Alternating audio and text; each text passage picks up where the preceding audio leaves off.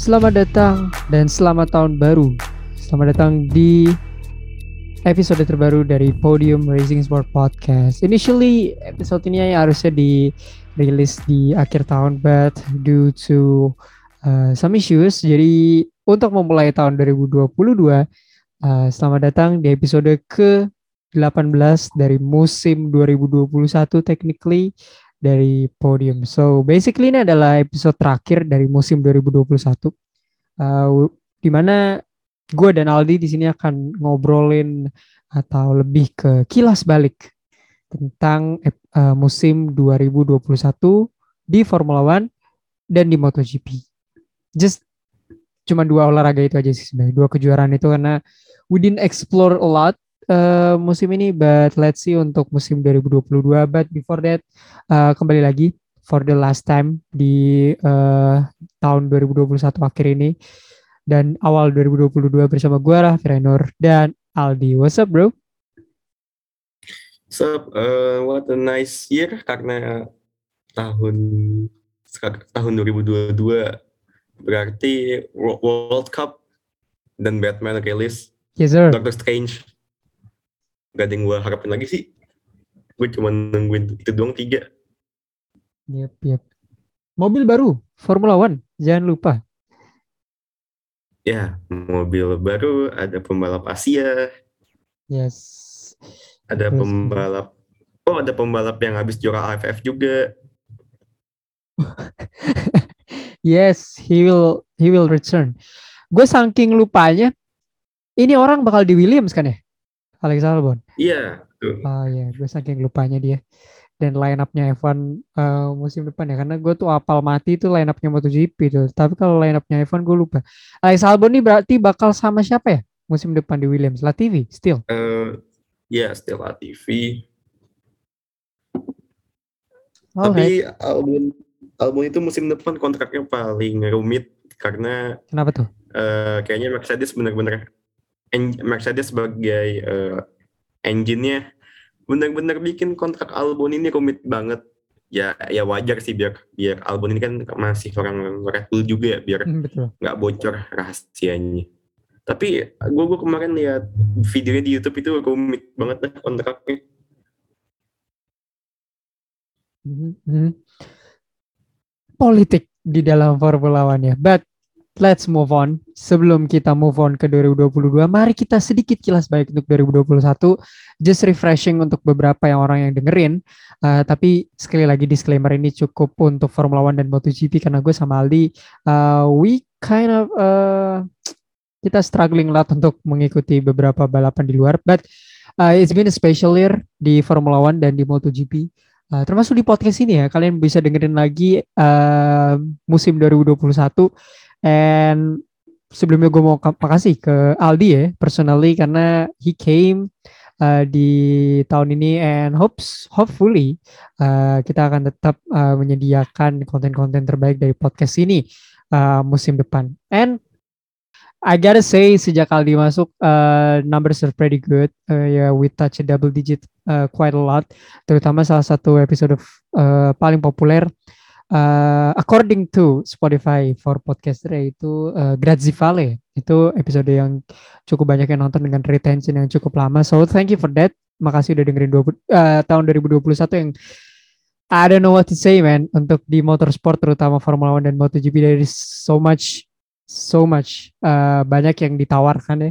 Drama perpisahan uh, perayaan dan lain-lain. So uh, what do you think? Firstly ya yeah, dari Formula One dan MotoGP di tahun 2021 kemarin uh, as a as a fan point of view dari lo sendiri uh, adakah opini-opini yang mungkin opini segar atau opini bau yang bisa lo tawarkan setelah lo menonton musim yang sangat gila both from MotoGP dan di Formula One di 2021 ini? Uh, MotoGP musimnya ya banyak perpisahan. Terutama gue gue masih paling itu perpisahan pembalap Yamaha yang gara-gara di Austria. Ya Ray, Ray tahu lah siapa siapa dia. ya itu tuh itu perpisahan paling absurd menurut gue karena apa? Karena dia kalau boleh gue bilang musim ini dia lagi on top performance tapi malah cabut. Ya, bukan cabut sih lebih tepatnya di kick. Padahal lagi top lagi di top performance tapi ya ini what it is buat dia. Ya perpisahan yang paling sedih ya ya itu pembalap Italia itu si Rossi ya, sama Petrucci itu berdua. Of course itu perpisahan yang paling sedih. But kalau season ini eh, nggak ketebak karena gue tidak menebak Fabio di awal musim as a champion kesuai karena gue sempat mikir bahwasannya wah kayaknya Yamaha bakal lebih nginin Vinales nih. Tetapi ternyata tebakan gue salah dan ternyata yang satu malah dipecat. So ya yeah, nggak nggak nggak nggak nggak ketebak nggak ketebak. Gue gue gue tahu emang Vinales ini kan di awal-awal juga udah eh sorry, sorry Fabio kan di awal-awal juga udah mimpin tapi gue sempet ngepredik bahwasannya it will be the same shit as last season di mana dia uh, apa ya malah jelek di pertengahan tapi ternyata Fabio been konsisten dan selain itu juga musim ini nggak ketebak lagi karena tiba-tiba Baby Alien bagus lagi. Mm-hmm. ya nggak ada yang nebak itu menurut gue gue uh, sama sekali nggak ketebak bahwasannya Baby Alien bakal tiba-tiba bagus lagi so ya yeah, musim ini nggak ketebak kalau MotoGP nggak sama sekali nggak ada yang ketebak musim ini Alright, unpredictable ya untuk MotoGP. Gue sih ya, ya. sama sih. Gue di awal, gue di awal musim banget. I really believe, nggak believe sih maksudnya musim lalu gue tuh ngeraguin banget Quartararo sebenarnya. Karena ya for what he did ya dia turun dari pemuncak klasemen jadi ke-8 but I said on the first episode di musim lalu uh, di season preview kalau gue nggak salah, you can guys check it out lagi kalau gue salah. Um, gue bilang Quartararo will be something with uh, Yamaha Factory gitu. Unless Marquez tidak kembali ke performa terbaiknya ya. But same as you is uh, unpredictable walaupun over the course of the season predictable ya. Quartararo lumayan uh, dominating tapi mungkin ada beberapa pembalap yang cukup breakthrough ya. Gue prediksi Jack Miller akan juara dunia di awal musim di season preview episode pertama. It turns out Peko Bagnaia yang uh, ternyata bisa handling Ducati really really well ya. Uh, dan dari so many things happen uh, ya mainly Valentino Rossi pensiun adalah satu hal yang sebenarnya udah gue antisipasi tapi gue tetap kaget gitu loh kalau akhirnya dia uh, pensiun tapi overall is a very good season menurut gue di MotoGP ya uh, walaupun persaingan juara dunianya tidak sesengit itu tapi uh, kita mendapatkan juara baru dan it's been an overall good season gitu. Gue bisa bilang musim ini di MotoGP adalah kalau di NBA ada ini loh, ada istilah passing the torch gitu ya. You know about that right? Jadi ini musim itu. Ini adalah musim the passing the torch itu, perpindahan generasi sebelumnya ke generasi selanjutnya dan musim 2022 is a brand new MotoGP, is a brand new faces, a very very young faces dan kita akan dihadapkan kepada generasi yang lebih baru gitu. The generation of Fabio Quartararo, the generation of Pecco, generation of Juan Mir, Jack Miller, ya those generation gitu. Kita ada, akan dihadapi generasi itu dan buat gue senang sekaligus sedih karena gue hidup nggak hidup sih maksudnya gue mengikuti MotoGP di awal-awal ya generasinya Rossi and then came uh, came Lorenzo and then came Stoner, Pedrosa sampai Marquez, Dovi dan sekarang dihadapkan kepada generasi baru it's sad tapi cukup senang sih. Uh, blessing in disguise sebenarnya.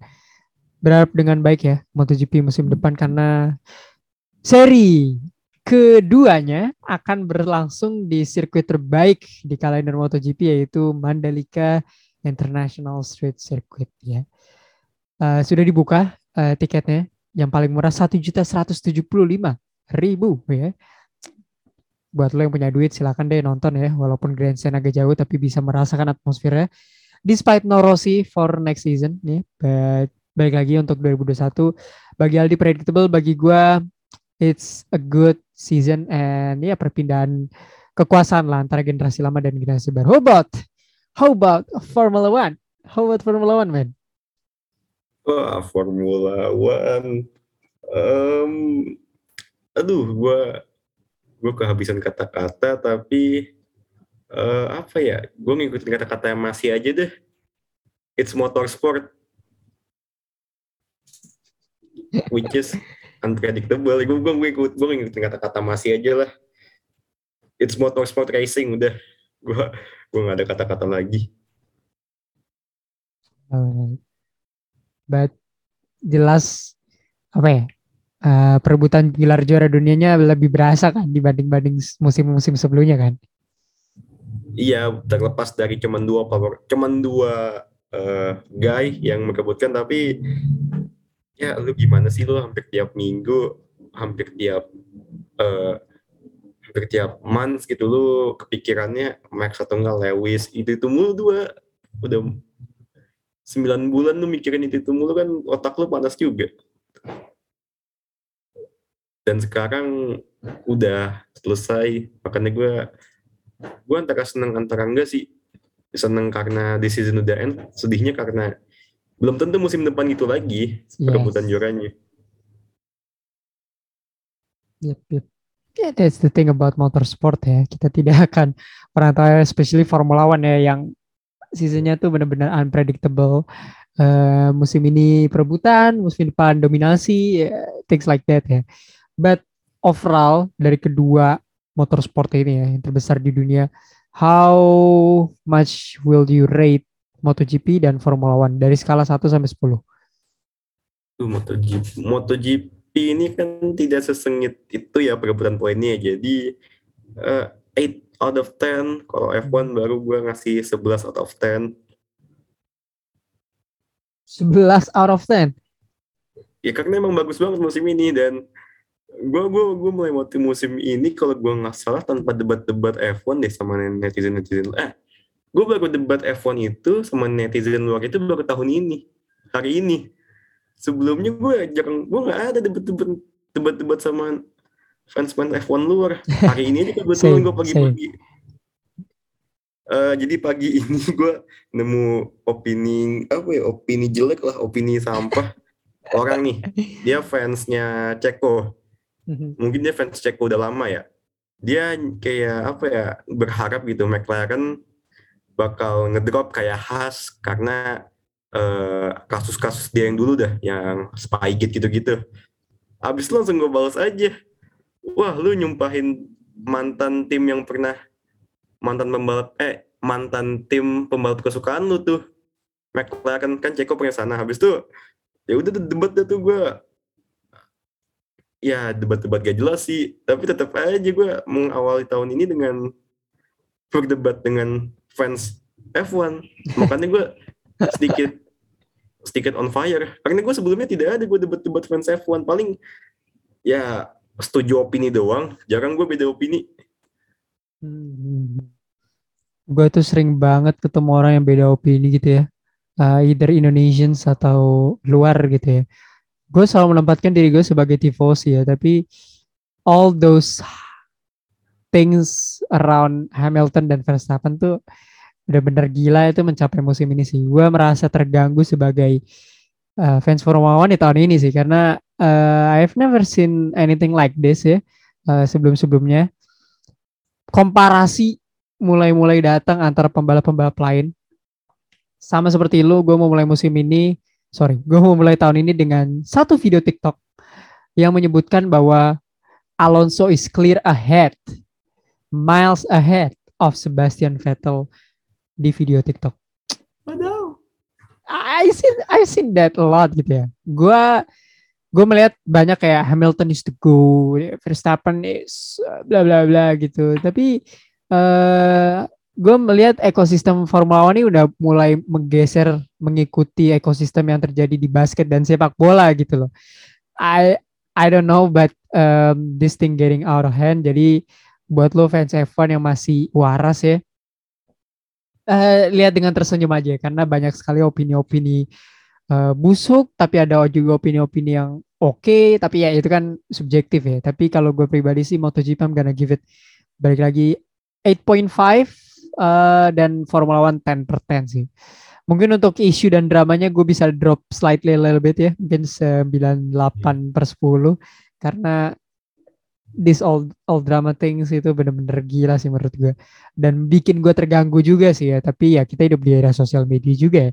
Jadi we cannot judge about it. Tapi it's been a, a fun season.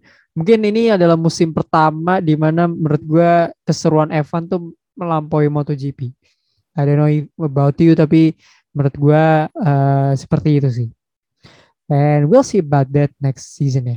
Semoga aja karena kan next season gue nggak expect banyak sih. Next season tuh kalau menurut gue kayaknya bakal jadi musim kayak 2014 deh. Musim-musim wah apa ya banyak yang mobil aneh-aneh. Walaupun nggak bukan bentuk yang aneh sih tapi uh, kondisi kondisi mobil tim yang aneh-aneh pasti musim depan itu. Karena regulasi. Iya sih, tapi it could be, it could be like 2009 yang mobilnya benar-benar berubah dan all those things Brown GP menang. So ya yeah, expecting Haas supremacy mungkin musim depan. We don't know. Uh, 2022 nanti ya. Siapa tahu Mick Schumacher juara dunia bersama. Oh, jangan Mick Schumacher deh. Ini kita mazipin ya, membungkam seluruh omongan haters karena kan ini ya ada berita ada rumor atau uh, anything report tentang ada dua tim yang kabarnya berhasil menemukan apa ya, sebuah hal yang tim-tim lain belum temukan gitu ya. Ibaratnya kayak Brown GP gitu menemukan double diffuser something dan katanya ada dua tim yang berhasil nemuin celah gitu di mobil barunya ini. Dan bisa dibilang mereka akan direktur tapi tidak disebutkan tim-timnya siapa. It could be Mercedes again we don't know about that. Tapi sih gue berharapnya tim-tim kejutan ya. Cinderella stories betul. Cinderella stories happening. But Cinderella story mungkin bisa happening tapi next year is Ferrari year ya. Um, geser ke what is the best moment throughout the season dari MotoGP dan Formula One menurut lo? Yang paling um, memorable gitu throughout the season. MotoGP tadi kayaknya gue senggol dikit Vinales apa yang di Austria itu. Mungkin yang paling tuh inget gak sih selebrasinya Fabio yang dia main golf? ya, That shit is weird bro. Menurut gue selebrasi paling cool. aneh sih. Tapi that's cool karena dia dia dia prepare dia mempersiapkan bener-bener ada tongkat ada apa yang gue kan kalau memorable tuh kan biasanya suka out of the race ya ya itu menurut gue paling memorable tuh ya selebrasi itu selebrasi Fabio main golf hmm, hmm. kalau gue sih yang dia su ah selebrasinya. Cristiano Wah, itu terbaik tuh menurut gue tuh. Di samping selebrasi juara dunia dia itu kalau nggak salah di Portimao dia ngelakuin itu kalau nggak salah. Yang dia menang jauh banget. But best moment for me I don't know probably sad moment ya. Ya balik lagi ya, Valentino. Tapi hmm. menurut gue Mar the return of Mark Marquez itu menurut gue it's one of the best sih. Dia menang Sachsenring itu menurut gue one of the best moments out there. How he struggle dengan cederanya. Memang dia menang di Ring ya. Uh, which is the king of the Ring gitu, Sassen King. Menurut gue the fact that he won by a lot of margin menurut gue itu masih masih apa ya masih aneh sih bagaimana dia bisa melakukan itu ya dia menang di Austin dia menang di Misano juga tiga kali kemenangan dengan situasi badan dan fisik yang di bawah 80% menurut gue he's crazy. Dan kembalinya dia sih menurut gue uh, I guess he's the icon man. Dia tuh udah juara enam yeah. kali uh, Premier Class ya. Dan buat orang yang masih benci di luar sana I guess say you gotta stop man. Karena Marquez is a different breed kita tahu. Uh, lu sendiri menyebutkan dengan kata baby alien.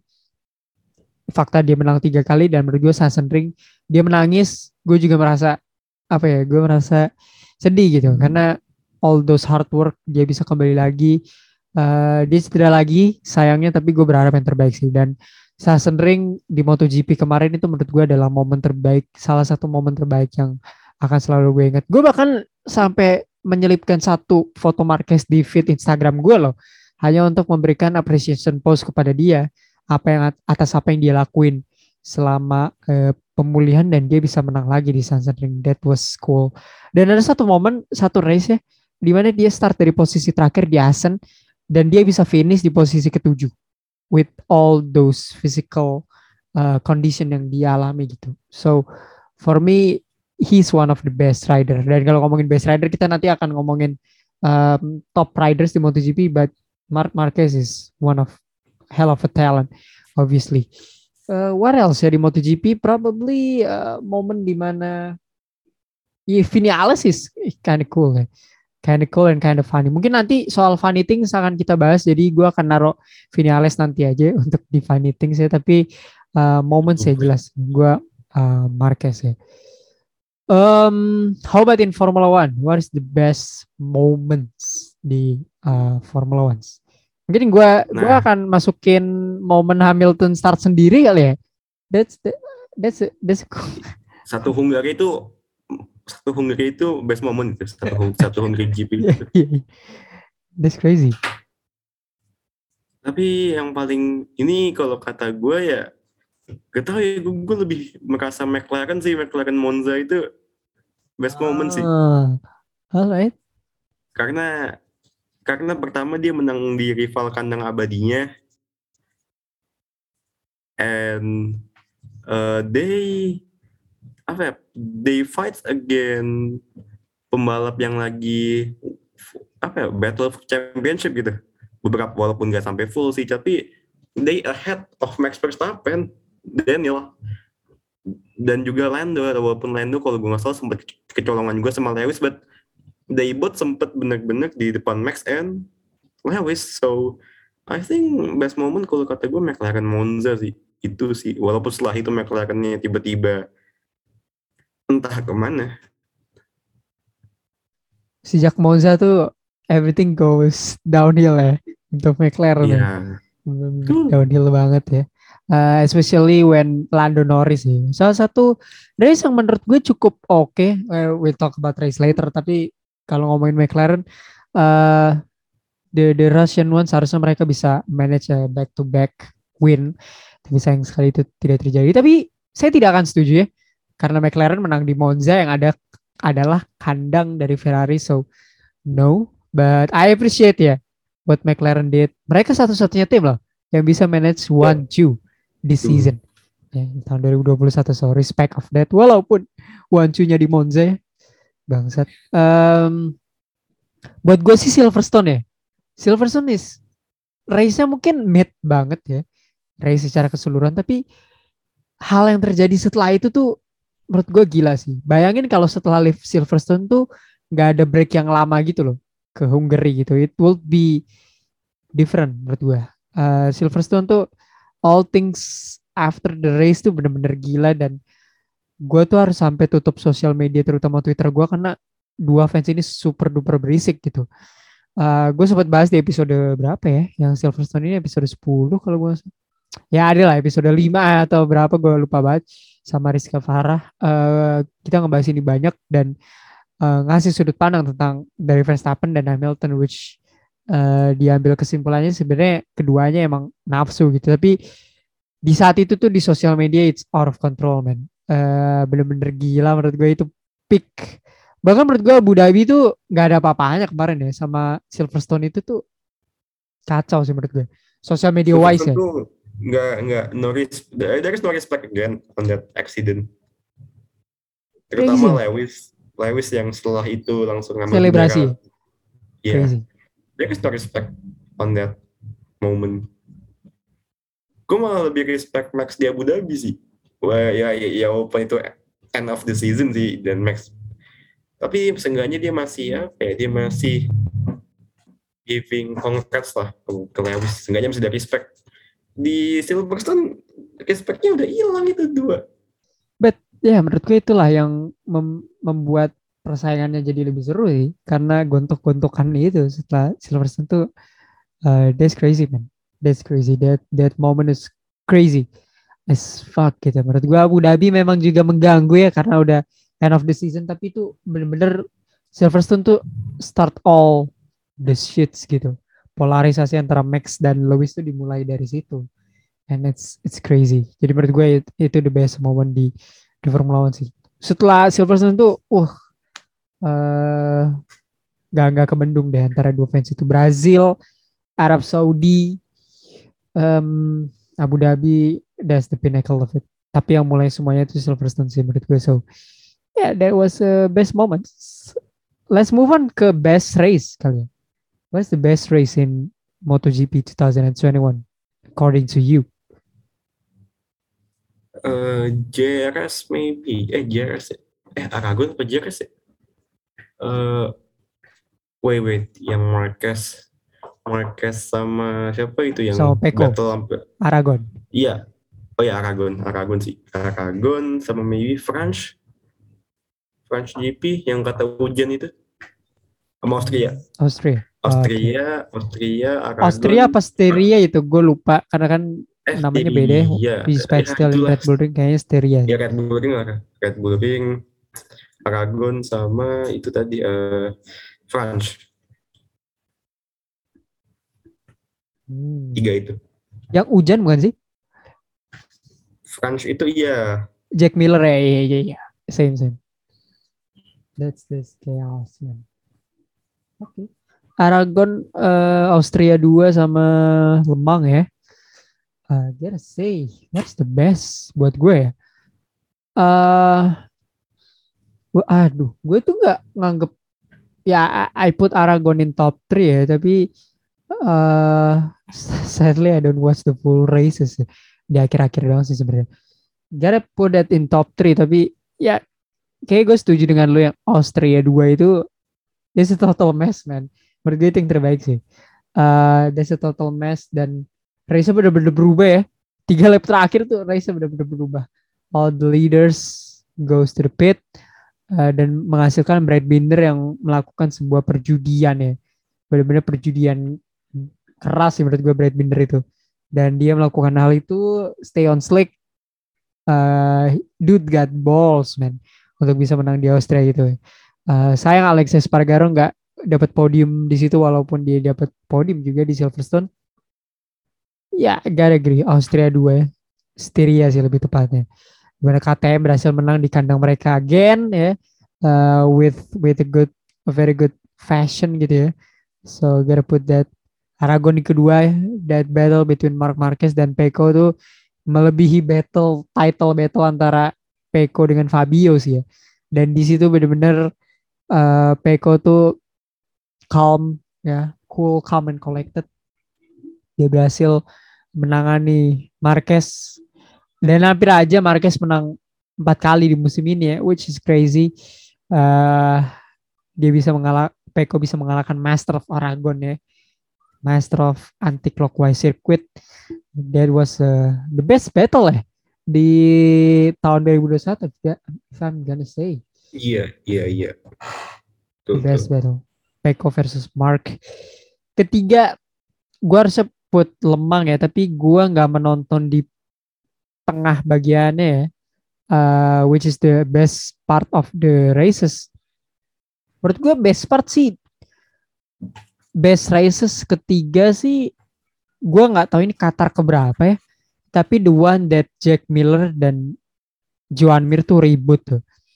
Uh, gue lupa Qatar kedua deh kalau nggak salah ya. Karena Qatar pertama kan Joan Mir kalah di straight ya sama Ducati which, which one of the best moment juga sih. Kalau kita balik ngomongin momen ya. Joan Mir diasapin sama Du- Ducati di straight line tapi Qatar yang Fabio Quartararo juara itu it's it's it's one of the best races sih menurut gue. Both Qatar tapi Qatar yang kedua sih. I I enjoy it more. Eh, the rest season eh, nggak ada race yang bener-bener seru banget ya. Eh, di luar race itu lemang is okay ya. Eh, dua dua weather gitu ya, kering dan basah. Jack Miller menang back to back ya di Harris dan Lemang. Sayang dia nggak bisa deliver lagi setelah itu untuk mendapatkan kemenangan. Gua ngejinx lagi ya, di mana Jack Miller gagal lagi menjadi juara dunia. But ya, yeah, that's that was uh, the best races dari kita berdua ya. Uh, comment down below di at plus 62 ID. What is the best races di MotoGP dan Formula One menurut lo? Um, let's move on. Ini dia uh, the moment of truth ya. Setelah tadi best things, best this, best that ya. kita geser langsung untuk ke best drivers, best riders ya. Di sini kita uh, di segmen ini kita akan uh, ngobrolin pembalap-pembalap terbaik according itu kita. Tapi kalau bisa kita satuin rankingnya aja ya, biar asik kali ya. Uh, let's start with the best Formula One drivers. Di sini ada top 5 Formula One drivers menurut Aldi dan menurut gue yang nanti akan kita satuin kira-kira top 5 Formula One drivers di who's your top 5 Formula One drivers 2021 Uh, kemarin itu Ray mintanya ke gue bikin top 10 gue bikin top 10 gue sekarang dia bikinnya minta top 5 jadi gue harus ngotak-ngatik lagi. Tapi nomor 5 um, ya lah eh jangan jangan jangan deh. Eh ya Lando Lando. Karena pertama dia British Hmm. kedua dia almost win. Yang ketiga em apa ya? It's been tough in in apa first half of the season dia masih bisa nyusahin Mercedes gitu I think Mercedes Mercedes Red Bull ya so I think Lando deserve no, number five gue gak tau lu number five lu siapa Man, stuff man. Eh number five ya di gua tuh I put Pierre Gasly sih. wah i- Mr. P4 ya Mr. Iya. P4 Eh gue sebenarnya naruh dia kan gue bilang kita bikin top 10 ya awalnya tapi karena durasi dan segala macam gue awalnya initially I put Gasly in six ya sesuai posisi dia kayak di race pada umumnya ya. six atau dia start tapi I put Gasly in fifth lu naruh Lando ya di lima ya Lando Norris Iya, karena Lando yang gue bilang tadi, it's been tough. Alright, um, move to number four ya. Eh, F1. I put Man, tough. Ah, gue harus ngilangin satu pembalap ya dari sini berarti. Um, kes, I don't know, man. Um, um, um, um, um, Carlos Sainz di empat gue. Ferrari. I think hmm, I'm gonna miss out satu orang tapi let's let's move on. Gue Carlos Sainz di empat. gue, gue, juga Carlos sih, gue Carlos four juga. Gue sama kayak lu sih. Kalau lu apa menurut lu? Carlos nomor four, nomor four. Eh, berarti dia kan harus lebih baik daripada Gasly ya, which menurut gue dia konsisten dan satu-satunya pembalap yang gak DNF loh. Eh, yang oh, bukan, bukan yang gak DNF tapi pembalap yang selalu finish di race. Ya berarti nggak DNF ya. Satu-satunya pembalap yang selalu finish di race musim ini is always consistent despite dia nggak menang ya atau podium in in weekly basis tapi dia empat podium musim ini carrying Ferrari into the top three finishes di konstruktor. Uh, for me better than Charles musim ini. Walaupun Charles punya dua pole position, uh, Rob is win di Silverstone dan pole. Monaco ya. Pole yang nggak guna gak sih Carlos? Kenapa? Itu pole position yang nggak guna gak sih kalau menurut? Kalau kata gue sih nggak guna itu pole, pole position. Which one? Baku or Monaco? Um, Monaco once. Eh, ya Monaco, Monaco. Iya Monaco once gue bisa bilang kesalahan dia purely. Ya dia yang crash kan dan dia it cost us a lot di race itu seharusnya dia bisa menang di Monaco. Bukan pole nggak guna sih lebih tep, ya lebih tep, ya gimana ya? Eh ya pada akhirnya nggak jadi apa-apa juga nggak bisa di convert untuk jadi race win juga sih. Dibilang pole nggak guna nggak juga sih tapi soalnya kan Ferrari eh, bisa perform lah di street circuit. Buktinya satu race setelahnya dia bisa pole position di Baku yang menurut gue justru nggak guna yang di situ sih pada akhirnya dia tidak bisa converting itu menjadi race win or podium tapi ya he did great tapi Carlos lebih konsisten way way too konsisten apalagi di second half of the season dia empat podium loh musim ini dan menurut gue dia ngebalap under the radar sih musim ini nobody talks about Carlos sampai akhir musim sampai benar-benar orang realize dia di atasnya Lando sama Charles di championship standing. So gotta respect that dan gue taruh dia di empat sih. How about you? Jadi, jadi, jadi musim depan Carlos first driver. Oh, obviously, man. Tapi gue sih Oh. berharap nobody in the second deh. Nggak ada first nggak ada second tapi Iya. gue maunya Ferrari tuh bener-bener ngelepas mereka as it is gitu as competitor gitu. Walaupun ya ada beberapa ro eh eh, border-border tertentu lah. Kayak mereka jangan sampai contact to each other tapi gue berharapnya gak ada yang diutamain lah. You know Carlos is a good driver Charles is a good driver. Nobody first or second driver sih menurut gue untuk keduanya. Matt props to Ya, the boys Ferrari ini apa? Kebiasaan Ferrari ya. Eh, second driver beat first driver. Next season secondnya jadi first. Next seasonnya lagi first dikalahin second. Always like that. Mhm. the circle. But we go to to the podium. Podium tiganya. Iya. number three eh siapa? Number three gua gua gua gua gua gua nggak tahu ya apakah ini pantas nomor tiga atau enggak tapi kalau menurut gua number three gua itu em Ceko? No Valtteri Valtteri musim ini underrated parah. Damn! He's not even my top six bro Ya, bet bet bet enggak kalau menurut gue Val- Valtteri ini musim ini underrated parah. Kenapa? Karena Mercedes di konstruktor beat Red Bull as that for konstruktor ya. Mhm. Makanya gue bilang Valtteri ini number 3 karena dia di konstruktor bisa beat Mercedes by that far. Makanya gue bilang Valtteri ini underrated musim ini sama kayak Carlos. Ya. Dia justru menurut gue he's the most disappointing drivers in 2021. So I'm not gue bahkan gak naruh di top 6 ya. Dia salah satu pembalap yang DNF-nya cukup banyak 4. Uh, yes, he won race di Turki in dominant fashion tapi with that car, yes, dia finish di posisi 3 ya. Klasemen akhir ya, Valtteri in the, in the end of the season. Iya. True, true. But with the car seharusnya dia bisa achieve lebih banyak sih. More race win I guess, more podiums I guess.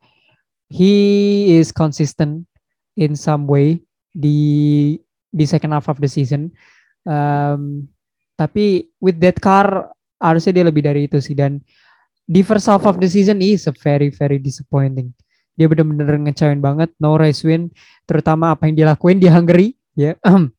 Jadi I'm not gonna put him gue bahkan gak naruh dia di top 6 best drivers musim ini. Tapi Monaco itu harusnya dia bisa win. Kalau menurut gue ya Monaco ya.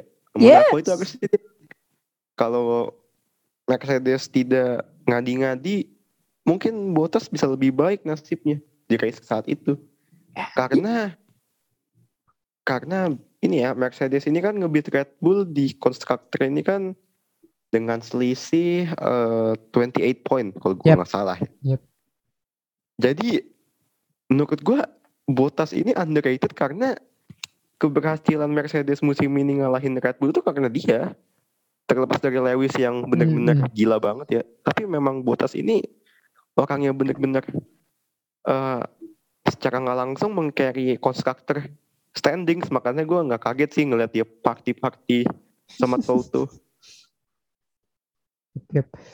Ya, but buat gue sih di musim keberapa ya dia? Kelima ya di Mercedes 17 atau 19 Is he don't uh, get in the level yang seharusnya dia sih. Tapi gue bisa bilang itu bukan purely kesalahan Bottas juga. Uh, memang Mercedes ini did him dirty to put him as second driversnya Lewis.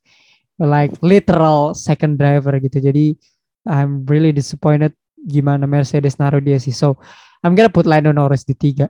Oh. Walaupun di episode lalu gue bilang I'm not a fan of him, tapi apa yang dilakuin di first half of the season sebelum Rusia, Ya. it's it's incredible man, it's incredible. Menurut gue with McLaren, ya dia memang mengecewakan di 6 race terakhir eh, di Formula One, tapi itu tidak bisa mendinai fakta bahwa he's that good this season. Sebelum dia out di Hungary, dia selalu finish di atas top 6. Imagine that.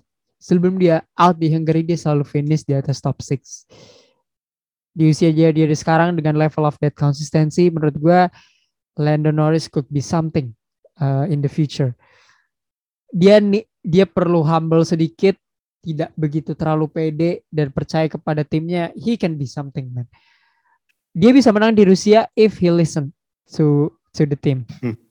gue gak bisa komen gue gue bisa komen banyak karena gue bukan pembalap. He knows the situation better tapi di Rusia gue udah mulai agak skeptis dengan dia karena he show a immature move di situ. Tapi gue paham lu baru baru memimpin race selama itu pertama kali you almost won your first race tapi it should be his day gitu. Dia pole position juga it could Dia masih be 22 kan?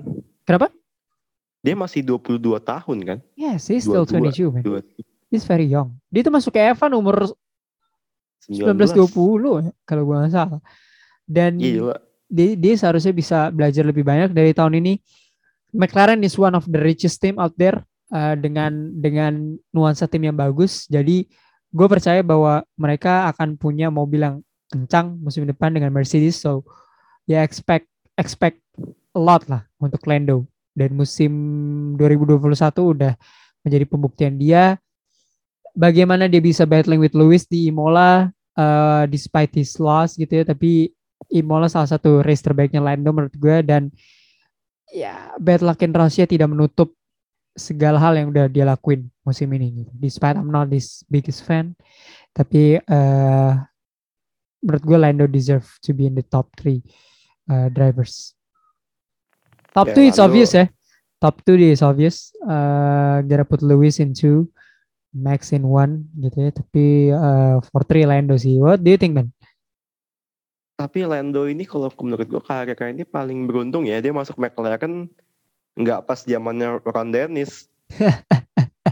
Andaikan saja dia masuk pas zamannya Ron Dennis, maybe belum tentu dia sebagus ini. Well, probably, tapi gue yakin dia akan bertahan despite tetap ada Ron Dennis Oh, karena you know British drivers. Jadi still, still there. Tapi Hmm. ya, I think McLaren yang baru gokil sih. And ya, vibes itu positif kalau menurut gue McLaren Orange ini.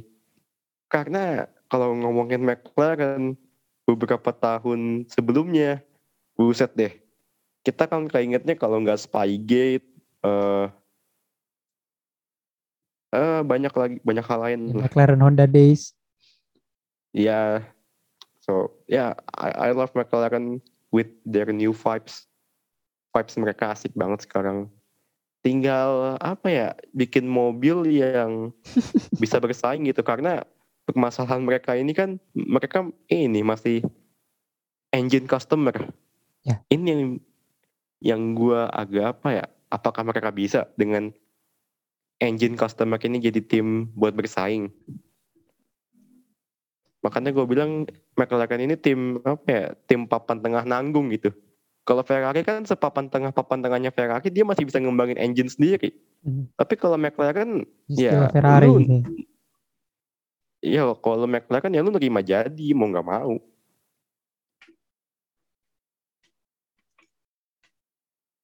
Maybe they should try like Red Bull maybe bikin power train sendiri. Powertrain sendiri betul. Who knows about that. Walau mereka udah punya mobil sendiri ya. McLaren. Iya.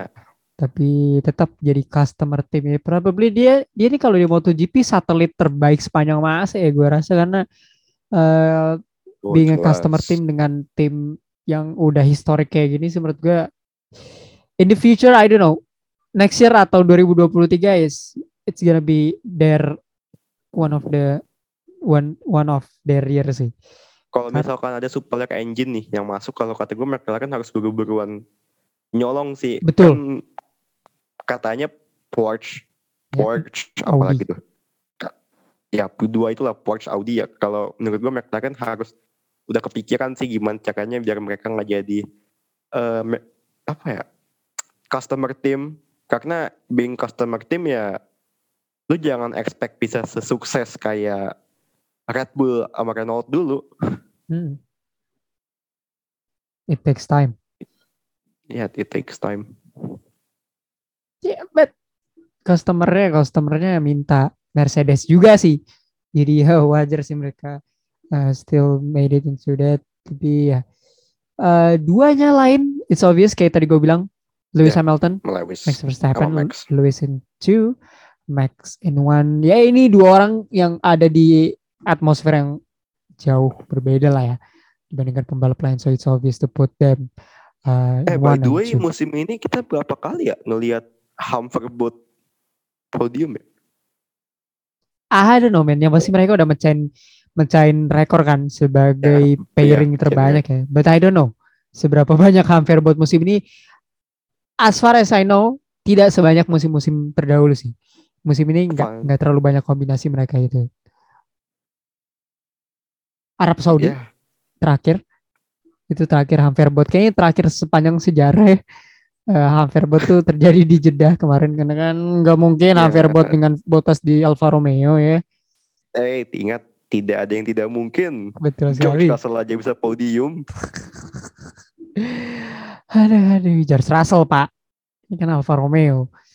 Oke, yeah, that's it from uh, F1. Jadi kalau gue boleh satuin ya, berarti cuman Gasly sama Bottas yang nggak unanimous ada di sini. So, yeah, probably Yeah. Carlos Sainz unanimous untuk berada di empat. Ya, berarti kita bisa setuju berdua kalau Lando Norris ada di tiga, uh, Lewis di satu, dua, dan Max di satu ya. Berarti Gasly dan Bottas tight untuk berada di lima ya. Uh, performance wise mungkin kita akan naruh Bottas di uh, lima ya. So that's it our top five Formula One drivers of the year. We move on to MotoGP dari lu nih. Who you got on fifth? Eh, wah ini gue langsung aja, gue langsung gue lempar aja. Miguel Oliveira. Oh damn, bro, he he kind of disappoint man tahun ini. Iya, but he got, iya I know, but eh ya I know the poinnya cuma 90-an musim ini, gak gak nyampe 100. But as he ride KTM, jangan lupa he ride KTM musim ini. Ya walaupun gue tahu sih Brad Binder lebih baik. Iya gue tahu Brad Binder lebih baik.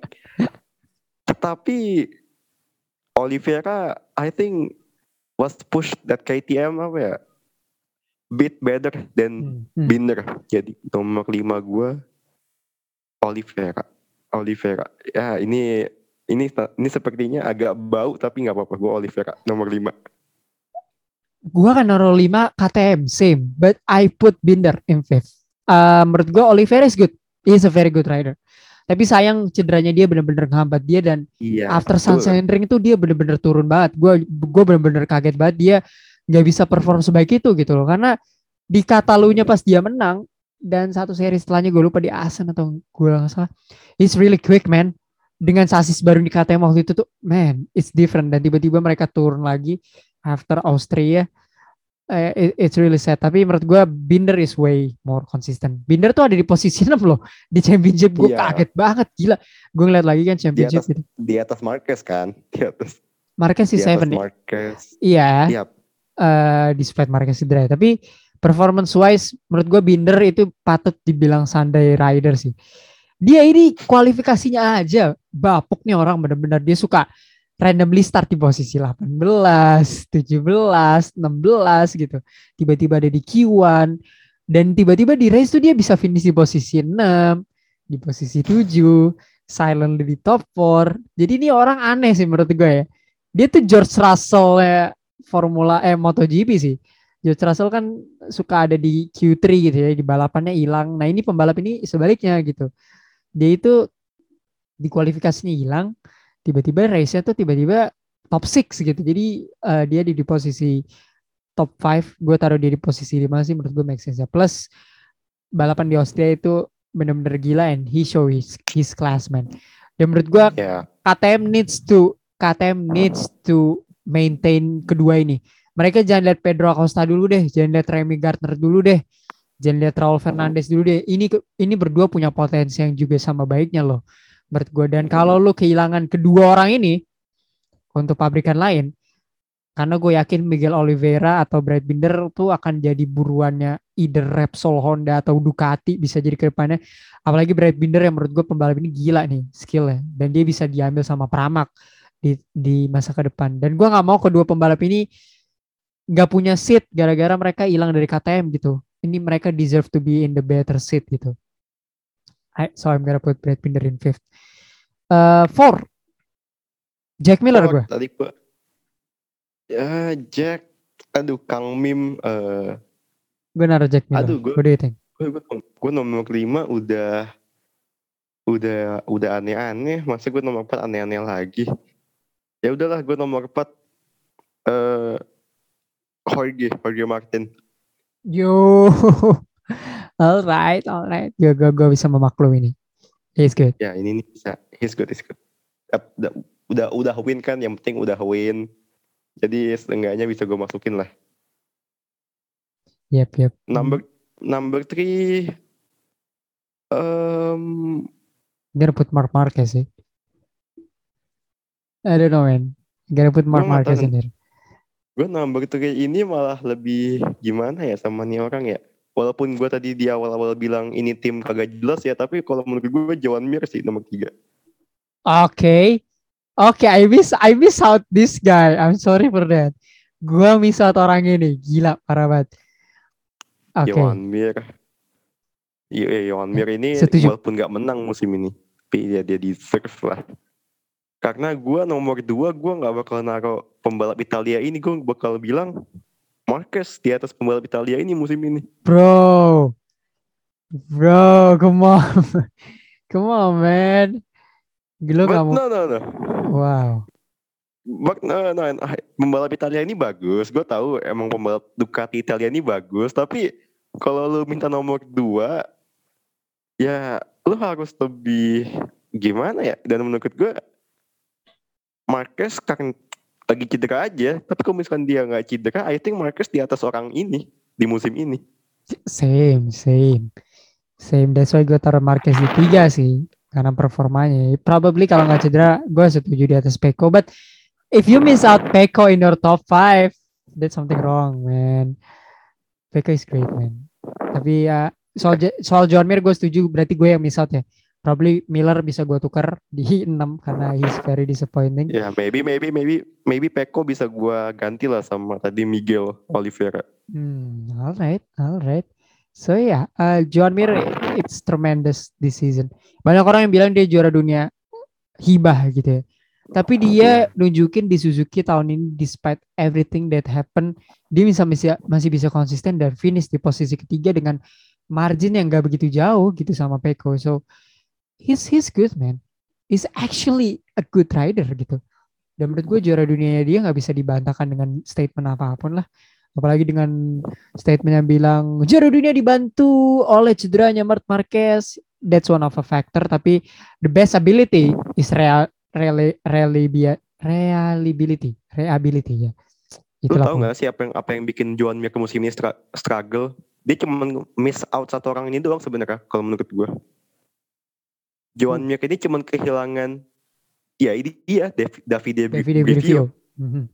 Dia cuma kehilangan doang. Karena musim lalu Davide Brivio ini secara nggak langsung apa ya jadi orang yang penting itu buat di buat Joan Mir musim kemarin ya. Tapi musim sekarang nggak ada dia kayak I don't know I think mungkin Davide Brivio ini mungkin di belakang Petcock suka ngasih motivasi-motivasi mental yang amat-amat baik ya. Karena kan dia orang dia itu orang yang ini loh. Dia dia di F1 aja musim ini dia orang deket banget sama Ocon Alonso dan terbukti kan Ocon Alonso musim ini out of expectation. yes sir Jadi buat gue Davide Brivio ini apa orang yang penting sih buat Joan Mir dan dia pasti sangat kehilangan. yeah true John Mir is crazy ya Eh, kita bisa setuju soal itu number two lu taruh Marquez gue jelas naruh Peko. Peko is tremendous this season gue bener-bener gak nyangka walaupun gue bilang ketika dia pindah ke factory he's gonna be a contender tapi bener-bener contender tuh gue gak nyangka dan bisa kenal sayang sekali. Dia telat panas bisa gue bilang ya walaupun dia multiple times podium di Lemang ya eh, di Jerez 1-2 dengan Miller tapi it's just late gitu. Kemenangan pertamanya didapat terlambat di Aragon. If only this guy bisa turn up sedikit lebih cepat. Probably kita bisa melihat kejuaraan yang lebih jauh mungkin di Valencia. Tapi Yo. he's he's he's super konsisten sih menurut gua. It's gonna be a big thing man tahun depan. Kalau Miller nggak bisa keep up dengan Peko he's over. He is over di Ducati karena Peko is more konsisten punya racecraft yang lebih baik kualifi yang kualifikasinya juga sama baiknya cara dia memanage balapannya bannya dan segala macam better far better than Miller yang gue jagoin. So ya gotta put Peko in sih. So yeah. He's good man. So number one agree ya Yeah, Fabio. unanimous lah Uh, unanimous. Fabio is is different di season. Menurut gua juara dunianya dia udah dikunci saat dia bisa menang lebih dari 8 detik di Silverstone sih. He's crazy. Uh, one of his best race. Dan uh, menurut gua I don't know back to back for him next season menurut lu gimana Um, enggak. Eh, Enggak. back back back to enggak, enggak. No back to back for Yamaha lah next season. Gue forget ya when when the last time Yamaha back to back. Eh Yamaha jarang back to back kan? terakhir Rossi who else man Iya, 89 Rossi back to back iya, iya, ja, ya, e- emang kayaknya kalau kata gue, eh Yamaha ini bukan tim spesialis back to back ya kalau menurut gue. Ya paling terakhir kali back to back itu 2010, dua 2000 ya 2010, 2010-an lah. Hmm. Lorenzo, Lorenzo, eh Rossi, Rossi, Lorenzo, triple. Iya triple. Iya Rossi Rossi Lorenzo betul.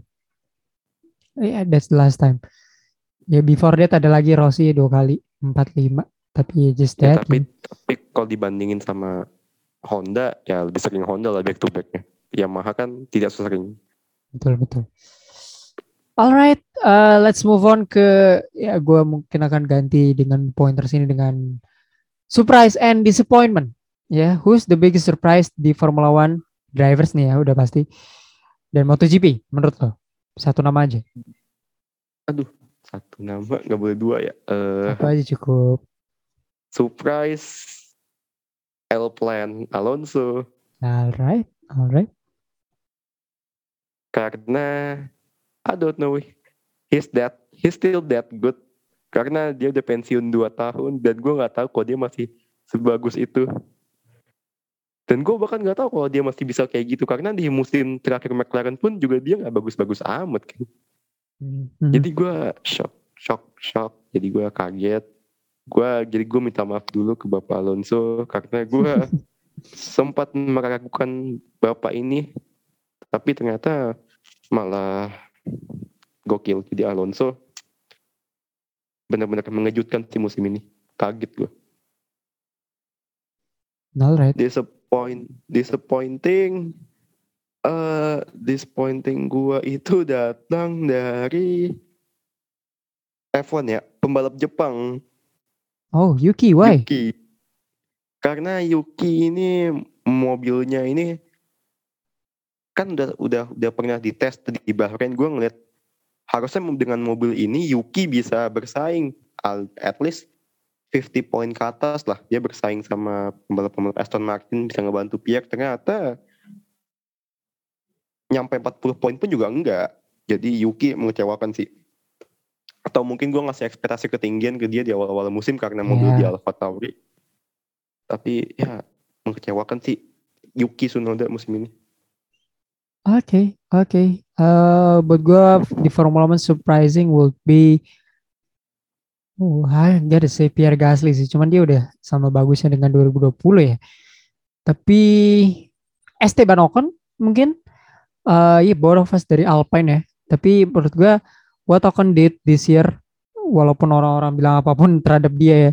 Tapi he can remain konsistensi. Dia hampir aja dapat podium kan di Jeddah eh dia punya beberapa race yang gila loh menurut gue di samping Hungary ya jeda dan pas dia dapat poin di Turki dengan ban yang botak menurut gue Ocon is surprising one not the most surprising tapi kalau gue bilang surprising Ocon sih dia bisa tampil sangat baik dan benar-benar resembles Ocon tahun 2018 pas dia di Racing Point sih so gotta put my heads off untuk Esteban Ocon. Disappointing tadi kan gue udah singgung di awal Bottas ya. Tapi menurut Ya. gue lebih disappointing Danny Rick sih. I don't Oh. know how Lando displaying performance di McLaren sih menurut gue tidak bisa dis- display dengan baik Ricciardo. Iya, dia menang juara seri. Tapi sebutin race di mana Ricciardo sebagus Monza. Di luar Monza gitu ya. It probably not gitu. Cuman Sochi cuman mungkin Rusia doang Iya. before. before. Sisanya, The rest is meh gitu untuk Ricciardo. Sama kayak si uh, Ocon ya. He's not the most disappointing.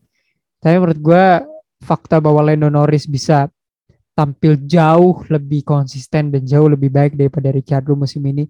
Despite Norris tidak menang dibanding Ricciardo, tapi menurut gue gak ada, I don't know, uh, Ricciardo seharusnya bisa tampil lebih baik. Kalau aja dia displaying the same season musim depan, ya, jangan harap dia ada di McLaren sih menurut gue. So he kind of kind of disappointing untuk gue gitu. But I still love the guy. Uh, MotoGP Ya, mungkin ya. ya. Eh, surprising gue akan taruh nama Enea Bastiani ini sih. Gue Hmm. gue niatnya mau taruh Jorge Martin ya, tapi eh Martin right with Pramak. Walaupun dia menang, dia pole itu surprising. Tapi dia balapan dengan Pramak dan Enea Bastiani ini balapan dengan Avintia. Fucking Avintia dan dia bisa mungkin whole seasonnya kalah lah sama Jorge Martin. Gue bisa setuju dengan itu. Tapi throughout the second half of the season dia udah mulai nemuin touch-nya, dia udah mulai tampil konsisten, bisa podium juga. So this guy gonna be different. Uh, tahun depan Ducati 8 motor, dia salah satu yang dapat package yang juga sama baiknya dengan pabrikan. So expect a big season sih dari Ania Bastian ini. Gue gua cukup kaget sih dia bisa sebaik ini, gitu karena riding with Avintia gitu ya. Walaupun Zarko juga sama baiknya 2020, tapi uh, dia cukup yang mengundang mata gue sih. Ini ya. How about you? Yoi. Gua nggak tahu apakah ini tapi Zarko sih Johan Zarko Surprising. karena musim lalu ya gue tahu musim sebenarnya si kon dia sama musim lalu ini mirip-mirip sih cuman musim ini dia lebih baik aja gitu dengan dia di nom- nomor 5 kalau Hmm. boleh gue bilang Zarko ini musim ini kayak Pierre Gasly juga Oh, oke. nggak terlalu nggak terlalu beda sama musim kemarin tapi shocking lumayan apa ya mengguncang aja Oke. tapi ya Zarko dis paling kalau disappointing sih gue sangat kecewa sama pembalap Jepang lagi Nakagami Ya, I to agree.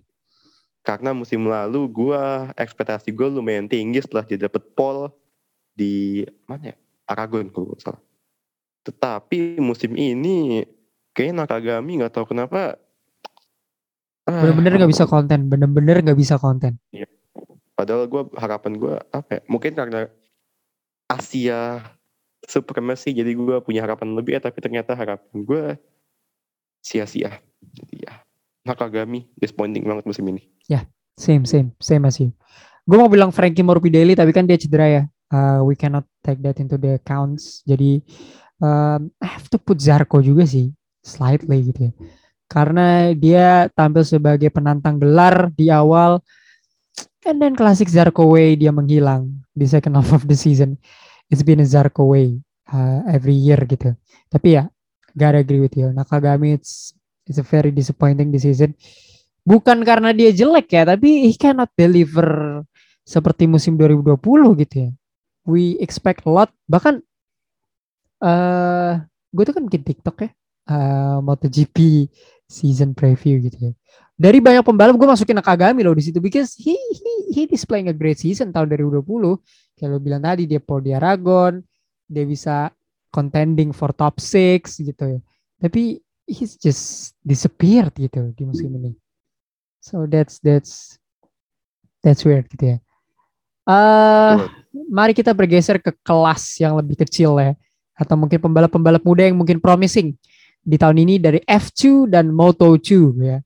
Eh, ya F1 ada F2, MotoGP ada Moto2. So from these two smaller uh, leagues gitu ya, siapa nama yang membuat lo berpikir he gonna be big in the future gitu. Pasti kalau F2 Piastri eh of course Piastri. Eh abis itu gue mau gue nggak tahu ya tapi Robert Schwarzman ini juga udah ketuaan ya. Jadi dibilang promising juga enggak promising promising juga Schwarzman jadi maybe one Piastri dua Schwarzman eh Daruvala nggak jelas musim ini eh aduh F2 mungkin nomor tiganya gue Theo Theo Theo Hmm, Pritchard Theo Pourchaire. Oke. karena Daruvala nggak jelas musim ini Mhm, mhm. Oke, Moto2? Wah, Moto2 coba lu, lu duluan, lu F2, F2 duluan. Ya jelas lah gue. Obviously lah Oscar Piastri itu menurut gue is is hell of a talent. Dia rookie juga kan ya di F2 Ya, and he can deliver num, that numbers gitu. no- number number two-nya Dan Tektum. Dan dibandingin dong Pak. Tapi ya Ya. eh, Oscar Piastri is great. Gua gua rasa dia harus dapat dapat dapat seat cepet-cepet di 2023. Kalau enggak you should you should go to Formula E man karena ini talent yang nggak bisa lu lewatin. Jangan sampai dia kayak Nick De Vries 2.0 lah. Menurut gua eh, dia harus dapat seat dan Alpine harus cepet-cepet decide whether to retain Alonso Ocon atau ngebuang salah satunya untuk dapetin eh untuk kasih kursi ke Oscar Piastri sih. Karena again he is one of a hell talent dan kalau lu lewatkan dia dan tim-tim lain juga lewatkan dia. Waste waste of talent sih. Karena gue bener-bener suka nih sama orang ini gitu. Humble juga nggak banyak bacot di ditunjukin gitu di sirkuit. Dan he's fun not funny ya he's fun menurut gue. Dan ya I really like this guy gitu. Menurut gue he's the future of Formula One. Probably di era 2020 pertengahan gitu ya he's one of a hell talent sih menurut gue Oscar Piastri. Untuk di Moto2 mungkin gak, ba- gak banyak ya. Eh, probably Remy Gardner eh, Rolf Fernandez Baik gue mau sebutin Pedro Acosta sih. Tapi karena it's too early ya mengingat dia masih di Moto3 too early to bring this guy up. Eh, untuk di Moto2 sih eh, ya Raul Fernandez is different nih dia rookie juga sama kayak Oscar Piastri. Dan dia setting most poles in Moto2 history kalau gua nggak salah ya dan dia hampir menjadi juara dunia termuda kelas intermediate Tuh. tapi sayang tidak kejadian gitu. Same goes as Pedro Acosta gitu. Tapi Os eh Oscar Piastri lagi gitu. Tapi Raul Fernandez nih sayang kemarin dia sempat banyak bad luck-nya cedera pergelangan tangan juga di Misano sehingga dia kehilangan titles itu di akhir sama Remy Gardner. If not, he could be the world champion menurut gue. He's so quick man. He's really really quick dan dia kemarin menang 4 kali kalau gue nggak salah musim 2021 apa 6 kali correct me if I'm wrong. Tapi sorry Remy Gardner tapi ada sedikit luck di mana lo bisa juara dunia moto tuh yaitu bad lucknya Raul Fernandez sih menurut gue. How about you? Tapi menurut gue secara personality gue suka Remy Gardner lebih ya daripada Raul Fernandez. Tapi in terms of skill dan segala macam ya Raul Fernandez is crazy. Moto2 ini banyak pembalap-pembalap tua sebenarnya kayak Betul even sekali. Simon Lawes pun masih bisa balap di Moto2 ini gue nggak ngerti regulasinya gimana. Tapi ya kita kan yang kita bahas pasti pembalap-pembalap muda. Oke gue setuju sama lu Raul Fernandez at first tapi eh, number Remy Remy Gardner ini kan ya tidak se apa ya tidak beda sama Fer- Remy kan seenggaknya masa depannya udah udah kelihatan lah ya. Eh, dia musim depan itu di eh Tag trick, tag trick KTM ya jadi dia sama Remy sama ya. Raul. Nah, Eh, Raul oh ya Raul juga udah both are Eh, teammates, bro. for next eh gue gue jadi lupa sih Yeah, for next season both are teammates lagi. di tag 3. gue gue gue gue sebenarnya nggak apa ya gue sebenarnya ya pasti kalau gue pengen out of the box tapi gue agak bingung juga gue apakah harus gue mention apa enggak tapi menurut gue nomor itu gue Augusto Fernandes Oh, alright. Ya, yeah, he's, he's Ka- eh, menurut gue dia inconsistent parah sih, tapi he's good, he's good. terus nomor 3 gue ini ini gue ngelihat mungkin dia nggak konsisten konsisten banget tapi dia umurnya masih muda banget pembalap Jepang lagi si Ogura Ayogura, yap. Yap. Uh, dia itu masih 20 tahun dia masih lebih muda ti tiga tahun dibanding pembalap-pembalap kata-kata lainnya kecuali Sam Lowes Sam Lowes itu mah udah gak jelas itu I don't understand about him. Tapi oke. Alright, alright. Ya, Moto tuh ya, Moto2 ini yang buat debut di MotoGP next year, gue lupa siapa aja. Ya. Eh, uh, Bezeki di VR46, uh, eh, Raul Fernandez, Remy Gardner sama Fabio Di Giantonio di grade sini. Yang kemarin apa? Yang kemarin nabrak itu? Oh, itu uh, si Derek Binder ya, dia juga dari Moto3. Si Mas Mas Ruduk. Five, five rookie man. Iya, iya. Five rookie. Tapi yang itu yang yang mas-mas Nubkok itu gue bingung sih gimana cara masuknya.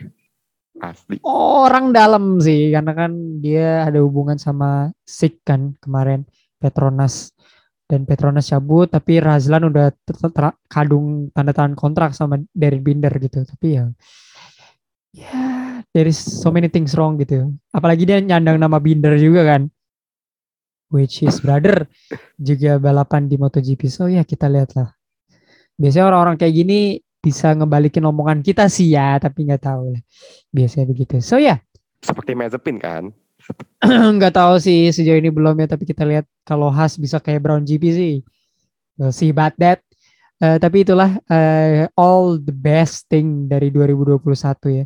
Ya basically rewind versi kita ya. Eh, things yang baik buruk dan lucu dari 2021 yang surprising dan disappointing comment down di Instagram kita at plus 62 what is the things yang kalian sukain dari either Formula One atau MotoGP di dalam 2021. Terakhir, as a fan, what is your wish untuk tahun 2022 in both MotoGP dan Formula One? Mungkin untuk sport lain juga boleh kalau mau bring up. Om, F1 gue berharap tim papan bawah atau tim midfield midfield 5 sampai 10 itu bisa breakout atau breakthrough next season karena gue pengen Cinderella story ada lagi. Cinderella gue gue pengen sih tiba-tiba ngelihat agak I don't know ya gue mungkin harapan gue gede tapi gue pengen lihat Aston Martin musim depan bagus sih itu aja Aston Hmm, Martin ini mhm. tim yang kalau kata gue future-nya bagus investnya bagus investnya jelas segala macem. Jadi gue harap Ast- Aston Martin sama Williams Williams dengan duit eh, Dorilton dengan duit dari Dor Dorilton tuh harus udah lebih baik sih. Ter- ter- terlebih kan Albon. Albon itu sponsornya gede asal ya Albon itu sponsornya gede sama TV jadi Hmm. harusnya bisa sih Williams Aston Martin buat musim depan lebih baik Alright, alright. Ini kalau saya sih tidak banyak ya. Satu pintaku adalah Forza Ferrari 2022. It's been a long time ya. Semua orang sudah di 2022. Fans Ferrari masih tahun 2008 bangsat, bangsat. Tapi ya, we will back. Tapi gue sih berharapnya klasik tim bisa konten lagi sih di depan ya. Likes of McLaren, Ferrari, Williams, Uh, I don't know if Aston Martin tergantung klasik tim Alpine yang dulunya masih gua anggap sampai sekarang adalah Renault uh, should be here too. Jadi ya gue berharap tahun depan 5 sampai 6 tim bisa konten ya for top 6 who knows about that tapi lu ya. pengen kan kat, apa Mercedes jelek kan Oh, siapa yang tidak pengen itu? Ya. Wah. Sudah ada Lewis Hamilton, ada George Russell pula. Saya udah anti sekali sama Mercedes. Tak apalagi mereka silver lagi kan musim depan ya katanya. Jadi we'll see about that ya. gue berharap sih ada juara baru lagi tapi still a very tight season.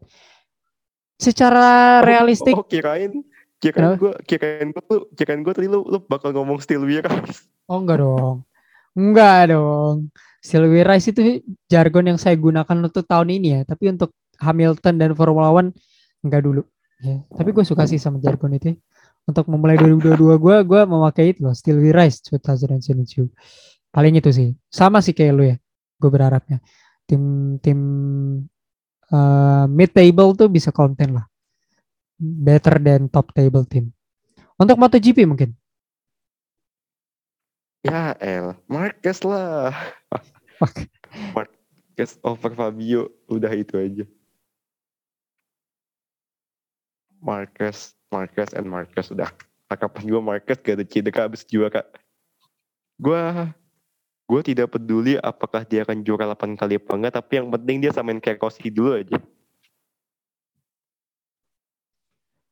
That's the thing yang saya tidak mau ya. Jadi eh, berharap Marquez sembuh adalah keharusan ya. Jadi juara dunia adalah opsi lain dan pilihan. Tapi kalau gue mau lihat more of Jack Miller tentunya. em, selepas Rossi gue harus ada pegangan lain. And I'm going with Jack Miller. Karena it's do or die for him. Kalau gak ya selesai lah. Tapi untuk MotoGP gue berharapnya eh mereka bisa melakukan pendekatan yang Formula One bisa lakukan sih untuk menyelamatkan eh sport ini ya karena probably orang-orang udah akan males dengan ketidakadaan Rossi. Kalau gue sih tetap lanjut ya, Rossi ada atau enggak, tapi eh, semua orang tidak seperti saya ya. Jadi gue berharap MotoGP bisa melakukan packaging yang sama baiknya atau lebih baik dibandingkan Formula One. And some way, somehow, I don't know. Probably I'm gonna go to Mandalika. I don't know, man. I don't know. I really want that ya. Tapi dengan situasi yang ada sekarang, I can. Tapi gue berharap some way, somehow, gonna go to there. Itulah episode terakhir dari 2021 technically. Episode pertama dari 2022 juga. Eh thank you for Aldi yang udah nemenin gue throughout all the season. Eh, kita akan break dulu sampai Februari untuk eh kembali ke musim baru. Gue nggak tahu dari Aldi mungkin dia akan mengajak untuk eh, rekaman episode senggang-senggang ya.